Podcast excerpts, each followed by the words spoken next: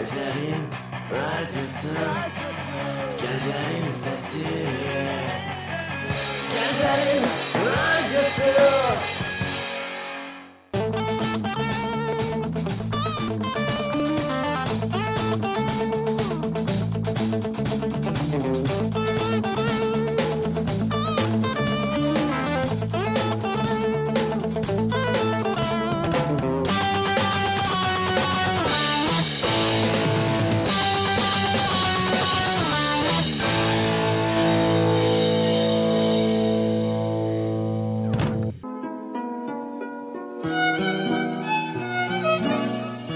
Ramazan ayında Ramazan söhbətləri.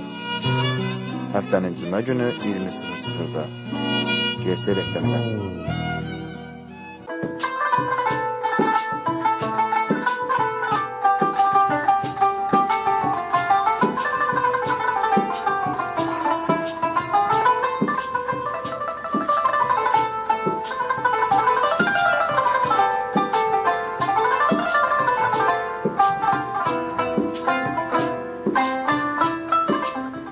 axşamınız xeyir olsun əziz dinləyicilərimiz. Bakı vaxtı ilə saatlar 20:02-ni, təqvimlər isə cümə gününü göstərirsə, bu o deməkdir ki, Gənclərin Səsi radiosunda Ramazan söhbətləri verilişi efirdədir. Ramazan ayı boyunca hər həftənin cümə günü sizinlə birlikdə oluruq və hər həftə ə, fərqli bir mövzu qonağımızla sizlərin qarşınıza gəlirik. Elə bu gün də Ramazan ayının 4-cü cüməsini birlikdə yaşayırıq. Mikrofon qarşısında sizinlə mən olacağam aparıcınız Aydə Səlim. Ramazan ayınız və cüməniz mübarək olsun. Əziz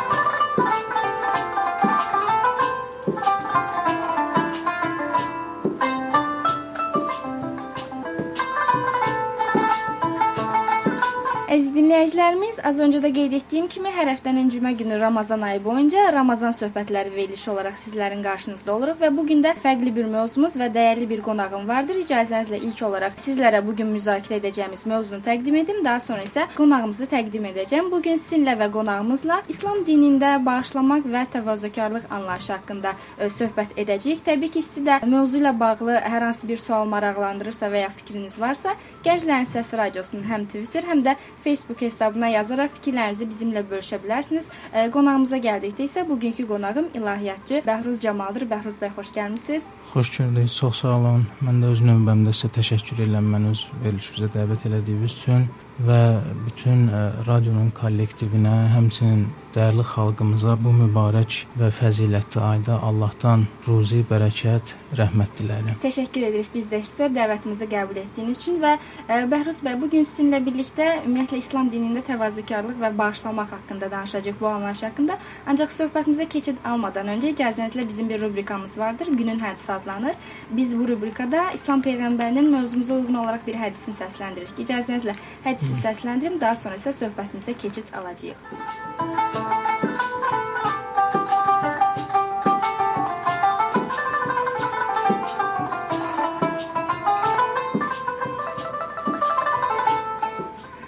Peyğəmbəri Həzrəti Məhəmməd buyurur: Kim Allaha görə təvazökarlıq etsə, Allah onu ucaldar. Beləliklə, o öz nəzərində zəif, cəmaatın gözündə isə böyük olar. Kim təkəbbürlük etsə, özünü böyük tutsa, Allah onu alçaldar. Beləliklə, o cəmaatın gözündə kiçik, öz nəzərində isə böyük olar. Belə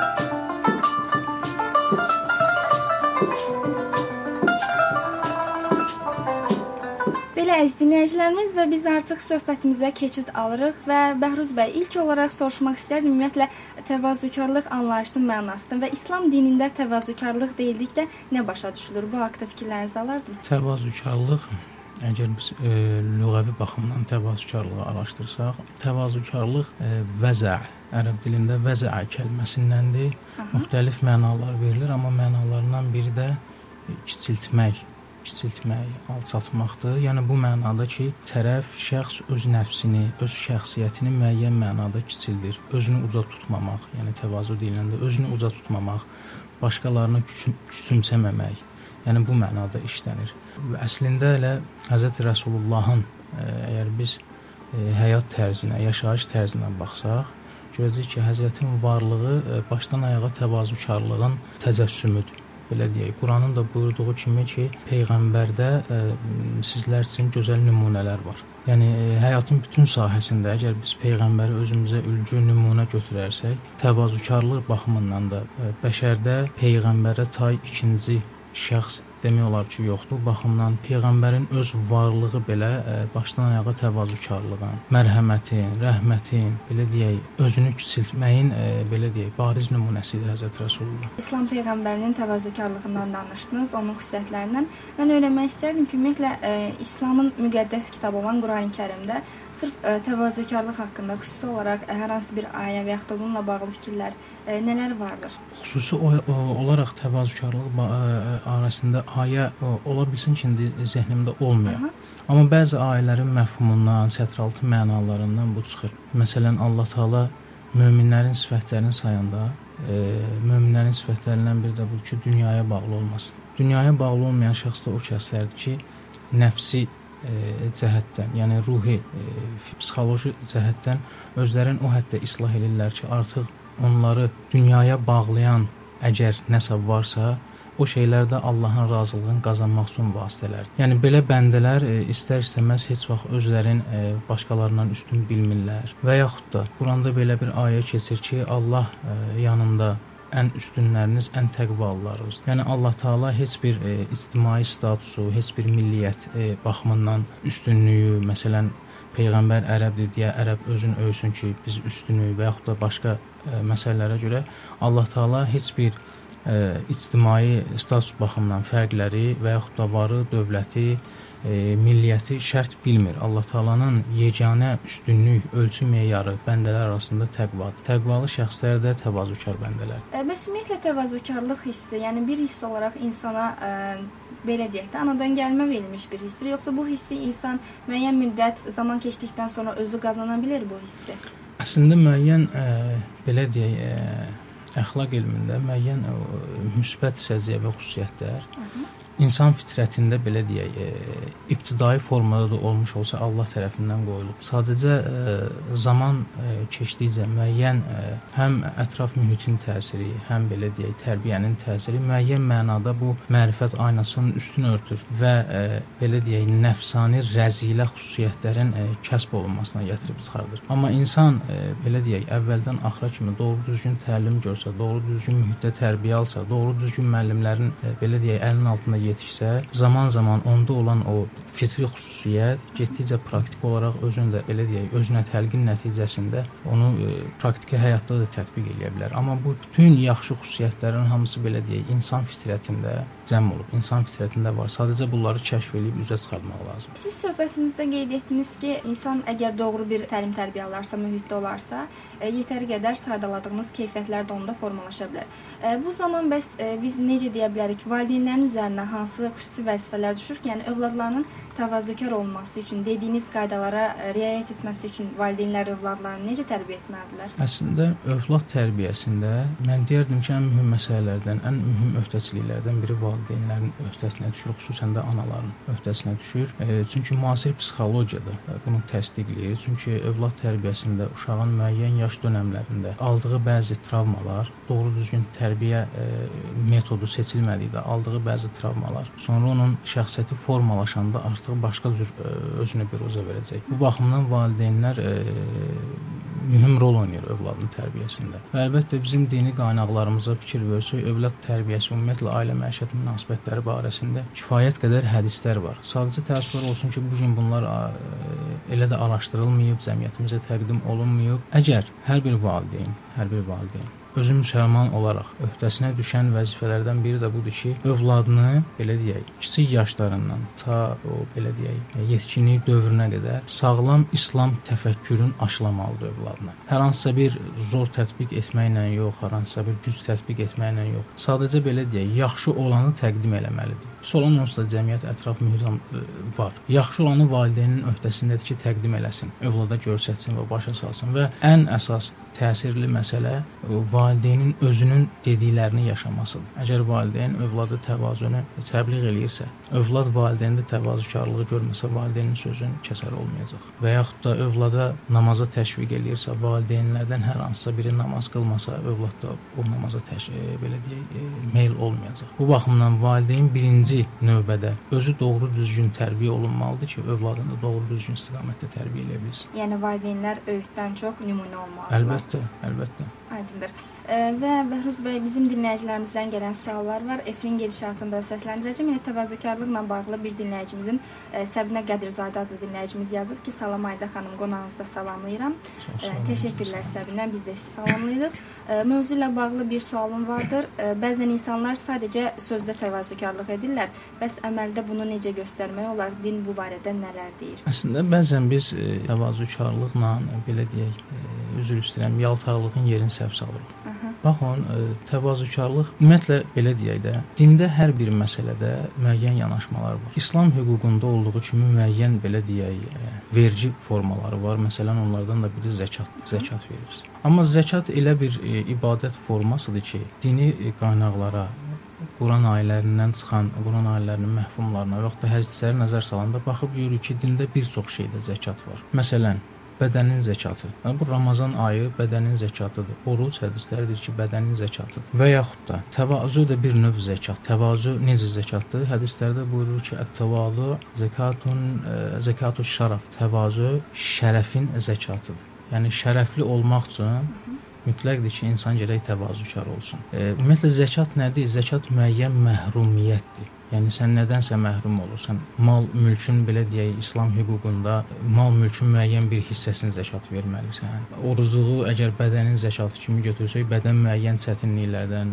gün ərzində müəyyən bəlli saatlarda yemək, içməkdən məhrum olur. Deməli, əgər təvazö də zəkatdırsa, deməli təvazö bir növ məhrumiyyətdir. O böyük şərəfə çatmaq üçün, şərafətli yaşayışa çatmaq üçün bir növ məhrumiyyətdir. Bəs nədən məhrumiyyətdir? O şeydən məhrumiyyətdir ki, səndə olan xüsusiyyəti biruzə verməyəsən. Axı dedik təvazönün tərifində özünü kiçiltmək, özünü kiçik tutmaq. Yəni təvazökar şəxslər başqa bir hədisdə qeyd edilir ki, təvazö elmin mənbəyidir. Təkəbbür isə cəhlin əsasıdır belə deyək. Deməli, təvazökar bəndələr o bəndələrdir ki, elmləri çox yuxarı həddədir, amma özlərini heç vaxt biruzə vermirlər. Onlarla bir məclisdə oturanda sanki elə hiss eləyirsən ki, elə hamıdan savadçısı budur. Amma e, söhbət əsnasında bir kəlmə söz deyir, amma məclisin bütün gedişatını dəyişir. Təvazökar şəxslər bu şəxslərdir. Amma bəzən də biz görürük ki, e, yəni təvazunu o şəxslər eləyir ki, nələrisə olsun. Bunların belə deyək də el arasında bir söz var. Qabında nəsə olsun ki, təvazö eləsin.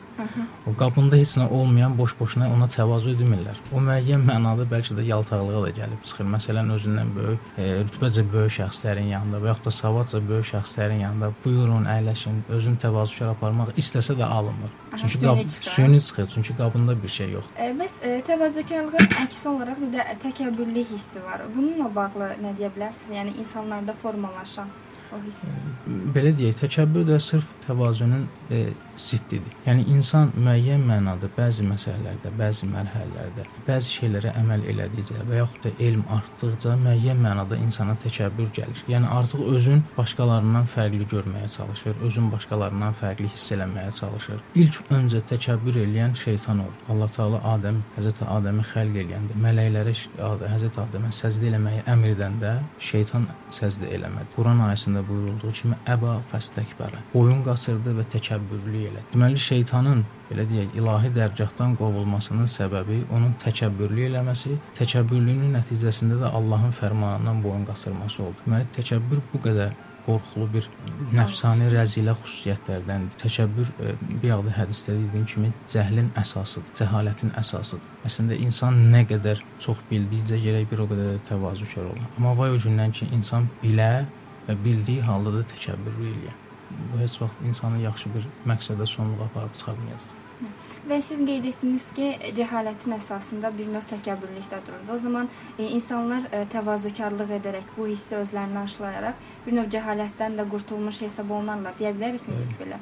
Bəli. Aydındır. E, Və e, təvazökarlıqla bağlı e, bir sual da soruşmaq istərdim. Ümumiyyətlə sırf insanların, təvazökar insanların bu xüsusiyyətinə görə Allah qatında onların mükafatı nələrdir? Baxın, təvazökarlıq belə deyək, mömin və təqvalı bəndələrin xüsusiyyətlərindən biridir. Quranda belə bir ayəmiz var ki, Allah Taala buyurur ki, e, qiyamət günü ayəni əlbəttə məfhumunu çatdırıram. Qiyamət günü möminlər Allahın dərgahına daxil olacaqlar. Əlbəttə ayədə ibarət e, ilallahi vəfta kimi gəlib. İlallahi vəfta vufud vəfədə daxil olmaqdır. İlallah yəni Allaha daxil olacaqlar. Yəni Allahın dərgahına, yəni belə deyək, bu cür bəndələri Allah birbaşa özü qarşılayacaq. Yəni bundan böyük məqam, bundan böyük mərtəbə yoxdur. Təvazökar şəxslər də həmin şəxslərdir ki, təqvalıdırlar. Təqvalıların da birbaşa belə deyək, həşrdə, qiyamət günündə qarşılayan Allahın özü olacaq. Aydındır. Təşəkkür edirəm Bəhruz bəy e, və bizim e, bir neçə dəqiqəlik fasiləmiz var. İcazənizlə fasiləyə ayrılaq. Daha sonra isə söhbətimizi e, ikinci mövzumuz olan e, İslam dinində bağışlamaq anlayışı haqqında davam etdirəcəyik. Əziz dinləyicilərimiz, e, siz isə bizi dinləməkdə davam edin. Hələlik isə musiqi fasiləsi ilə sizlərdən ayrılırıq.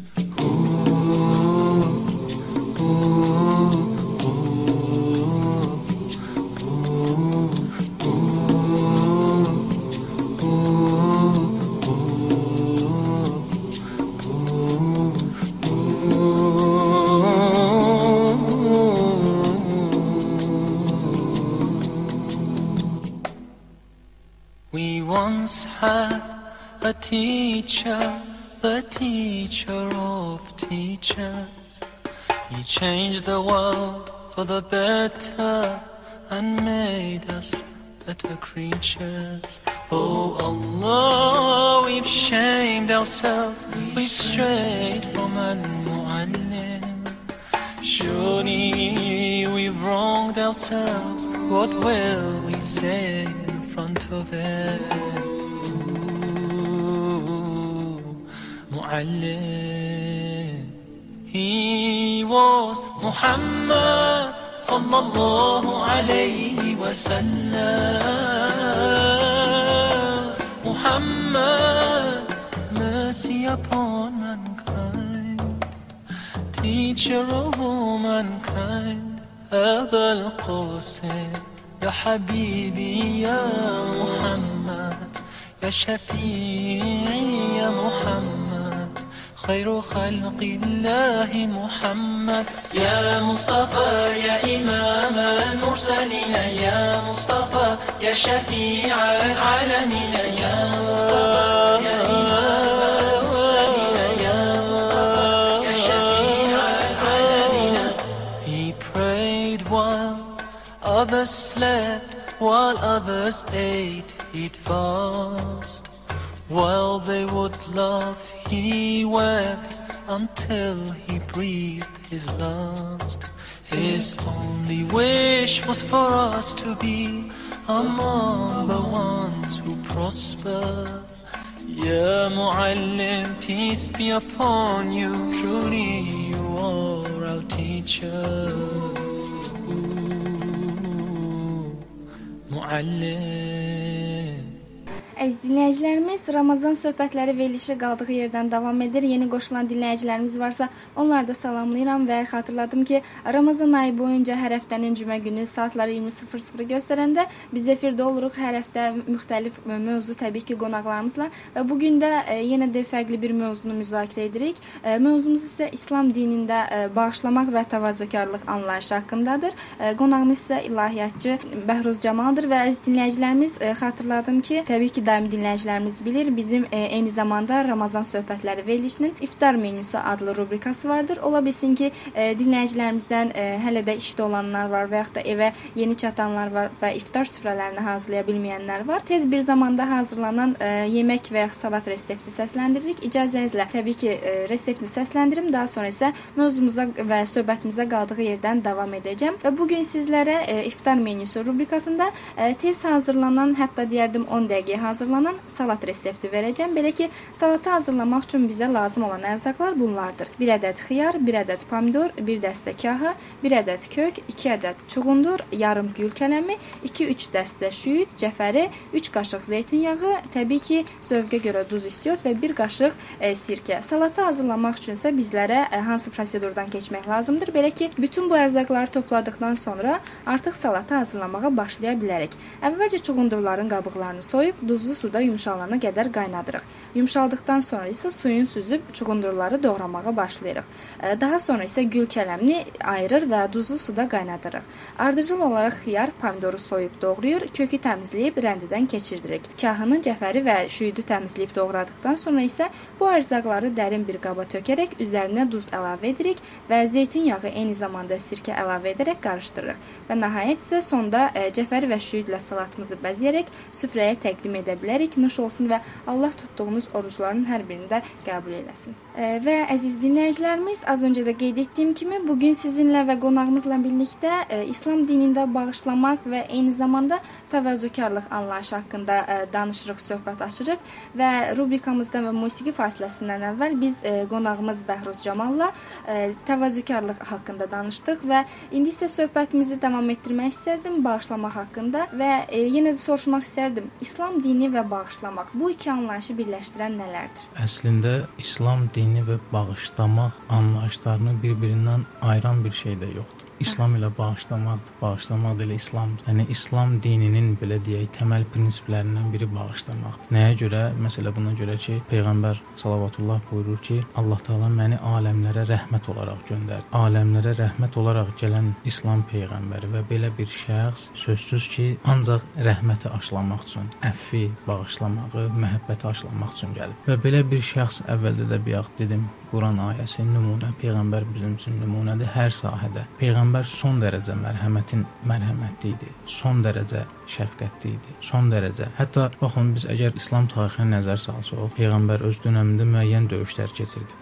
Hətta kafir qoşununa qarşı belə münasibətdə, döyüşdə əsir düşənlərə qarşı belə münasibətdə baxırsan ki, doğrudan insan zehninə sığmayacaq, bütün o bəşəri insan hüquq konvensiyalarında aşıb keçən əməl göstərib Həzrət Rasulullah. Məsələn, baxın müharibə gedir. Başlayıb müharibə iki qoşun dayanıb, bir tərəf belə deyək kafir qoşundur, bir tərəf Həzrət Rasulullahın belə deyək Allahpərəstlərin qoşunu. Təbii haldır ki, əgər bunlar əvvəldən Allahı qəbul eləsəydilər, heç döyüşə gəlməzdilər. Deməli, döyüş, döyüşün keçirilməsi mütləqdir. Döyüş baş tutacaq. Amma belə bir halda belə peyğəmbər ilk silaha əl atmır. Gəlir durur e, belə deyək, kafir qoşunu ilə üzbəüz, kimisə hər hansısa bir Quran ayəsi, səhabələrdən biri Quran ayəsini verir ona, göndərir o Quran ayəsini tilavət eləyir onları dəvət eləmək üçün. Bir nəfər, iki nəfər belə İslam belə deyək, qoşunundan şəhid olandan sonra peyğəmbər çıxılmaz vəziyyətdə qalır. Görür ki, artıq bunlara heç bir şeyin, sözün təsiri yoxdur. Yeganə bunların belə deyək, islah olması üçün yeganə yol qılıncdır. Yəni bu bu həddə son dərəcə ar- ar- müharibə zamanında belə belə bir mərhəmətin göstərilməsi doğrudan peyğəmbərin o yüksək əxlaqi keyfiyyətindən xəbər verir. Təəssüflər olsun ki, bu gün bəzi qeyri-ənənəvi təriqətlər, bəzi nə bilim özü müsəlman adlandıran dırnaqarası müsəlmanlar dünya ictimaiyyətinə İslamı bu cür yox, tam başqa cür tanıtdırır. Halbuki heç bir həm Quranımızda, həm dini qaynaqlarımızda belə bir e, belə deyək, qeyri-insani rəftarlar yoxdur. Peyğəmbər əsirləri belə tutanda əmr edirdi ki, əsgərlərə belə deyək, necə münasibət bəslənirsə, onların yeməyi hansı həddədirsə, əsirlərə də o həddə yemək verin. Və yaxud da deyirdi ki, hansı əsir bir nəfər 10 nəfər müsəlmana yazıb oxumaq öyrədərsə, onu azad eləyin, getsin, dəyməyin. Hətta döyüş zamanı belə əfv diləyən kafirləri belə peyğəmbər öldürməyi bəyənmir. Döyüş zamanı belə. Hətta səhabələrdən biri bir dəfə belə bir iş görür, peyğəmbər qəzəblənir ona. Deyir, axı o səndən əfv dilədi, sən niyə öldürdün onu? Yəni bu dərəcədə. Və ya dediyim kimi, hər bir şeydə bir zəkat var. Bunu da işarə eləyim, bu da maraqlı bir məqamdır. Özümə də maraqlı gəldi əlbəttə hədisdə bunu oxuyanda.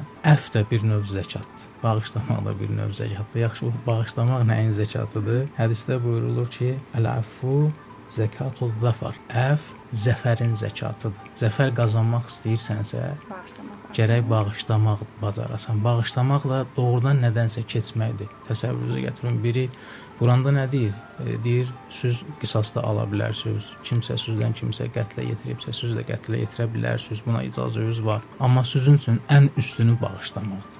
ən yaxşısı bağışlamaq. Deməli sən o qatili bağışlayaraq doğrudan da böyük bir dənə zəfər əldə edirsən. Nə zəfər əldə edirsən? Onun qəlbini fəth edirsən. Sabah o İslam'a meylənir və yaxud da sənin özünə qarşı meylənir. Sənin rəftarına qarşı meylənir və nəticədə İslam'a yönəlir. E, Və bu bağışlamaq da sadəcə olaraq məsələn e, kimisə qəlbindən qırırıq ya da ki dediyiniz kimi e, bir düşməni bağışlayırıqsa, bu zəfərdir də. Bu bağışlamaq sadəcə dildə olmur da, yəni içdən insan o bağışlamanı hiss etməlidir və bağışlarkən də Allah üçün bağışlamalıdırmı da? Bəli, ümumiyyətlə bu danışdıqlarımızın hamısının başında belə deyək də qurbətən ilallah, Allaha yaxınlaşmaq niyyəti və məqsədi olmalıdır. Bunların heç biri olmasa, bağdından danışdıqlarımın hamısı cəmaət üçündür və heç bir faydası da yoxdur. Yəni əfdə də, bağışlamaqda da, belə deyək, təvazödə də hamısında məqsəd Allaha yaxınlaşmaqdır.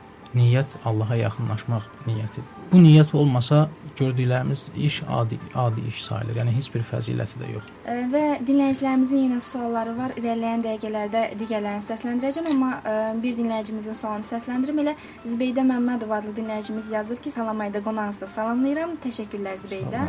E, Biz də sizi salamlayırıq. Sualım isə bu idi ki, kimsə bağışlamaq hansı hallarda fədakarlıq hesab olunur? Yəni bir növ bağışlamağı fədakarlıq kimi də götürə bilərikmi biz? Müəyyən mənada bəli, bağışlamaq e, belə deyək, müəyyən mənada fədakarlıqdır. Çünki bağışlamaq bu cür olur ki, sənin belə deyək, hansısa haqqına təcavüz olunub, haqqın tapdalanıb.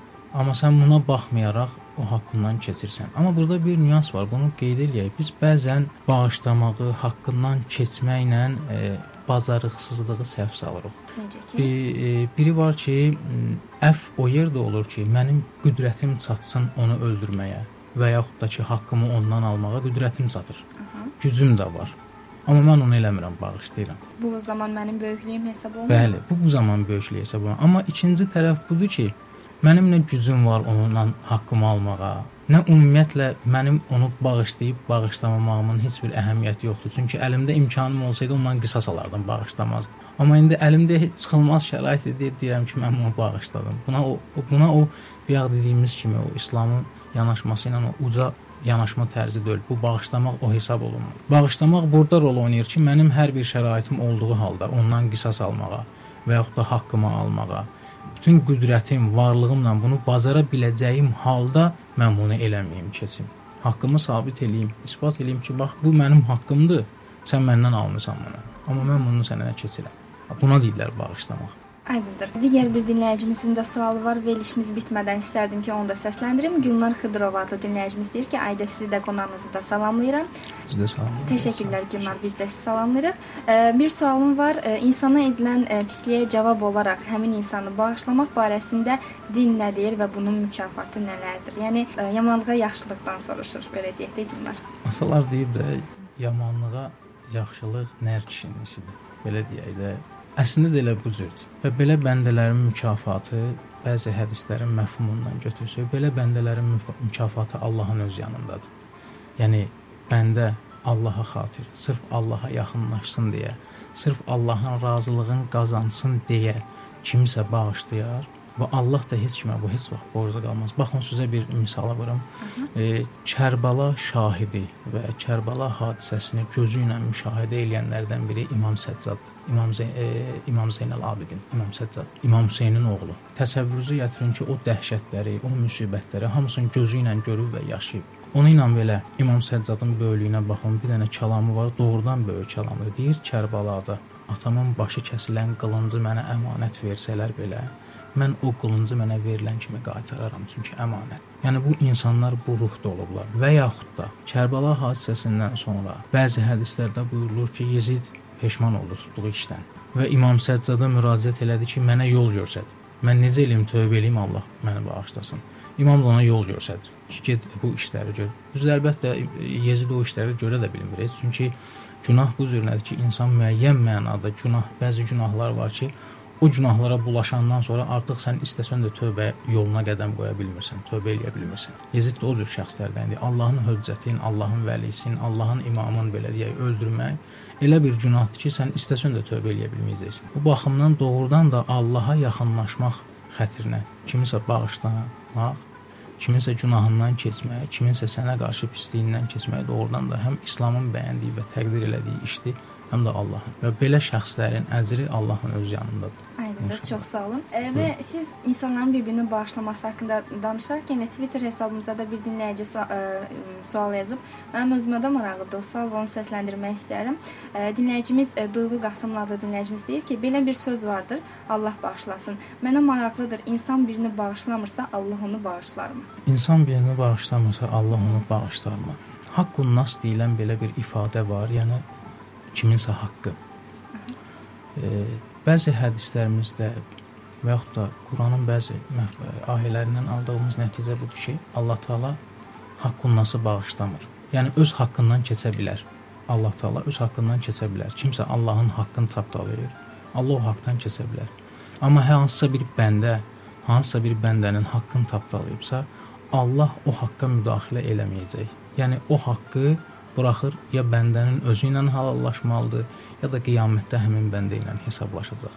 Düzdür, müəyyən mənada deyə bilərik ki, bəzi ayələr var, vaxtımız hələ var yəqin ki. E, hardasa 10 dəqiqə 10 dəqiqə vaxtımız Hə. var. Deməli, bu əvvəl bunu biraz geniş izah eləyim. Çünki doğrudan da ə, bu günümüzdə bu mövzulara çox ehtiyac var. Çünki hər tərəfdən dinimiz, belə deyək, ə, əqidəmiz hücumlara məruz qalmaqdadır və İslam doğrudan da Haniballıq kimi təqdim olunmalıdır cəmaata. Yox, bu belə deyil.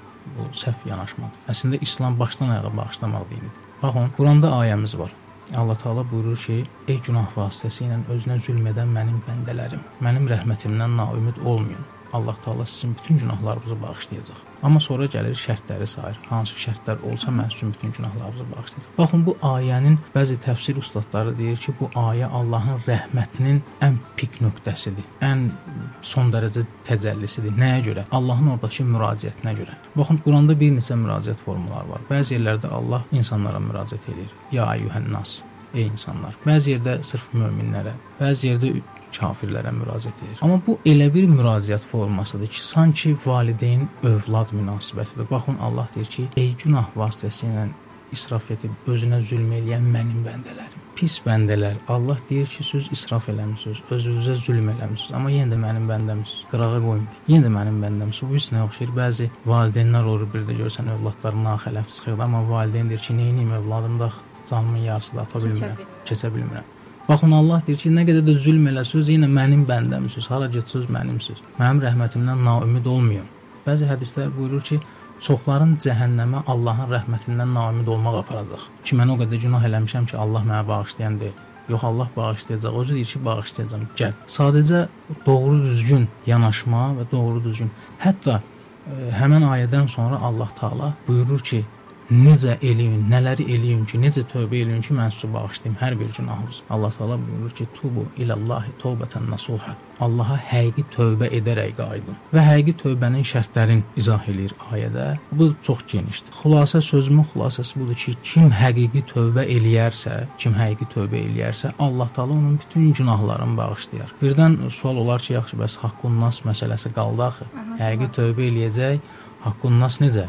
O da bağışlanacaq ya yox. Çəkinmədən deyirəm ki, müəyyən mənada o da bağışlanacaq, amma necə bağışlanacaq? Əgər bir bəndə doğrudan da həqiqi tövbə eləyirsə və tutduğu keçmişdəki bütün işlərdən peşmandırsa, Allah elə bir şərait yaradacaq ki, həmin haqqı tapdanmış bəndə ilə bu dünyada halallaşsınlar və iş tamam olsun. Və yaxud da bu dünyada halallaşa bilməsələr, Allah elə bir iş görəcək ki, çünki bu doğrudan tövbəkardır. Allah Taala da qiyamət günündə ayələrimiz var, hədislər var. Qiyamət günündə həqiqi tövbəkarların üzün qara eləməyəcək. Onların köhnə günahlarını aşkarlamayacaq. Əgər həqiqi tövbəkardırsa və tutduğundan peşmandırsa, qiyamət günü Allah Taala elə bir iş görəcək ki, həmən şəxs ki, haqqı tapdalanmışdı bu tövbəkar tərəfindən nə vaxtsa, onun zehnindən çıxacaq onun gördüyü iş. Onun zehnindən silər və hətta onun müəyyən savab işlərindən ona əcr verər ki, bərabərləşsin. Yəni doğrudan bu qədər mühüm məsələdir. Ya biz bəzən şeylər bizə zarafat kimi gəlir, amma doğrudan Allah bu cürdür. İnsan Allahı tanıdıqca, belə deyək, Allaha yaxınlaşdıqca Allahın nə dərəcədə mehriban olduğunu, nə dərəcədə necə deyim, mərhəmətli olduğunu sanki hiss edirsən. Sanki yox elə bunu hiss eləmək də olur müəyyən mənada. Və Bəhruz bəy, e, verilişimizin bitməsinə son 3 dəqiqə qalıb və mən bu 3 dəqiqədə ümumiyyətlə Allahdan bağışlamaq, əfv diləmək üçün edilən dualardan e, ümumiyyətlə bu, bu barədə fikirlərinizi öyrənmək istərdim. Xüsusi olaraq e, dualar varmı yoxsa sadəcə olaraq Yəni hər kəs öz dilində içində Allahım məni bağışla deyə bir dua edə bilərmi? Belə deyək, hər kəs öz tutumuna, öz tutumuna və öz e, belə deyək, anlayacağı tərzdə dua edib əfv diləsin Allahdan. Çünki bəzən olar ki, duanın belə deyək, sözü, quruluşu gözəl ola bilər. Amma çəki baxımından elə çəkili dua ola bilər ki, o duanı etməkdə mənim e, belə deyək, tutumum olmasın. Amma duanı eləyərəm, dua müstəcab olar. Tutumum olmadığım halda özümü biraz da yüklənmiş sayılaram. Ona görə hərə öz tutumunda, öz qavrayacağı və öz e, belə deyək, e, çəkəcəyi tərzdə Allahdan əfv diləsin. Çünki bildiyimiz kimi insanlar təkamül yolunda fərqlidirlər. Hərənin fərqli tutumları var. İmanda da bu cür nədir? Yəni buna görə hərə öz qavrayacağı, öz dərk edəcəyi tərzdə əfv diləsə, məncə daha məqbuldur. Aydındır. E, çox təşəkkür edirəm Bəhruz bəy bu gün e, bizimlə birlikdə olduğunuz üçün, mövzumuzda iştirak etdiyiniz üçün və son olaraq e, istər e, İslam dinində təvazökarlıq, istər insanların Allahın bir-birini bağışlaması, istərsə də ümumiyyətlə Ramazan ayı ilə bağlı son olaraq dinləyicilərimizə nə demək istərdiniz? Buyurun. Son olaraq dinləyicilərimizə bunu demək istəyərdim ki, ümumiyyətlə xalqımız qədimdən öz e, milli mənəvi dəyərlərinə, e, öz e, köklərinə və qədim tarixə malik olan bir millətdir, bir xalqdır. Və din xüsusən də bütün dövrlərdə bizim xalqımızın ayrılmaz bir hissəsi olur. Və mən bu mübarək ayda Allahdan arzum budur ki, Allah Taala bizim xalqı, bizim milləti bu mübarək ayda nə qədər ki e, xeyirli işlər, belə deyək, gələn il üçün təqdir eləyib, qeyd eləyib, yazıb belə deyək öz lövh-i məhfuzunda bizim xalq barəsində onların hamısını gələn Ramazana qədər həyata keçirsin inşallah. Və doğrudan da bizim xalqımızı həqiqi təvazö ilə, həqiqi əfvlə, həqiqi əxlaqi belə deyək, səciyyəvi xüsusiyyətlərlə zinətləndirsin. Təşəkkür edirəm bir daha Bəhruz bəy. Və dinləyicilərimiz e, sizinlə də ayrılıram bir həftəlik fasilə ilə təbii ki. Qismət olarsa e, Ramazanın 5-ci cüməsində birlikdə yaşayacağıq və gələn həftə eyni saatda, eyni məkanda e, fərqli mövzu və qonağımızla Ramazan söhbətləri veriliş olaraq yenidən sizlərin qonağınız olacağıq. Bizi dinləməkdə davam edin çünki bura çox maraqlıdır.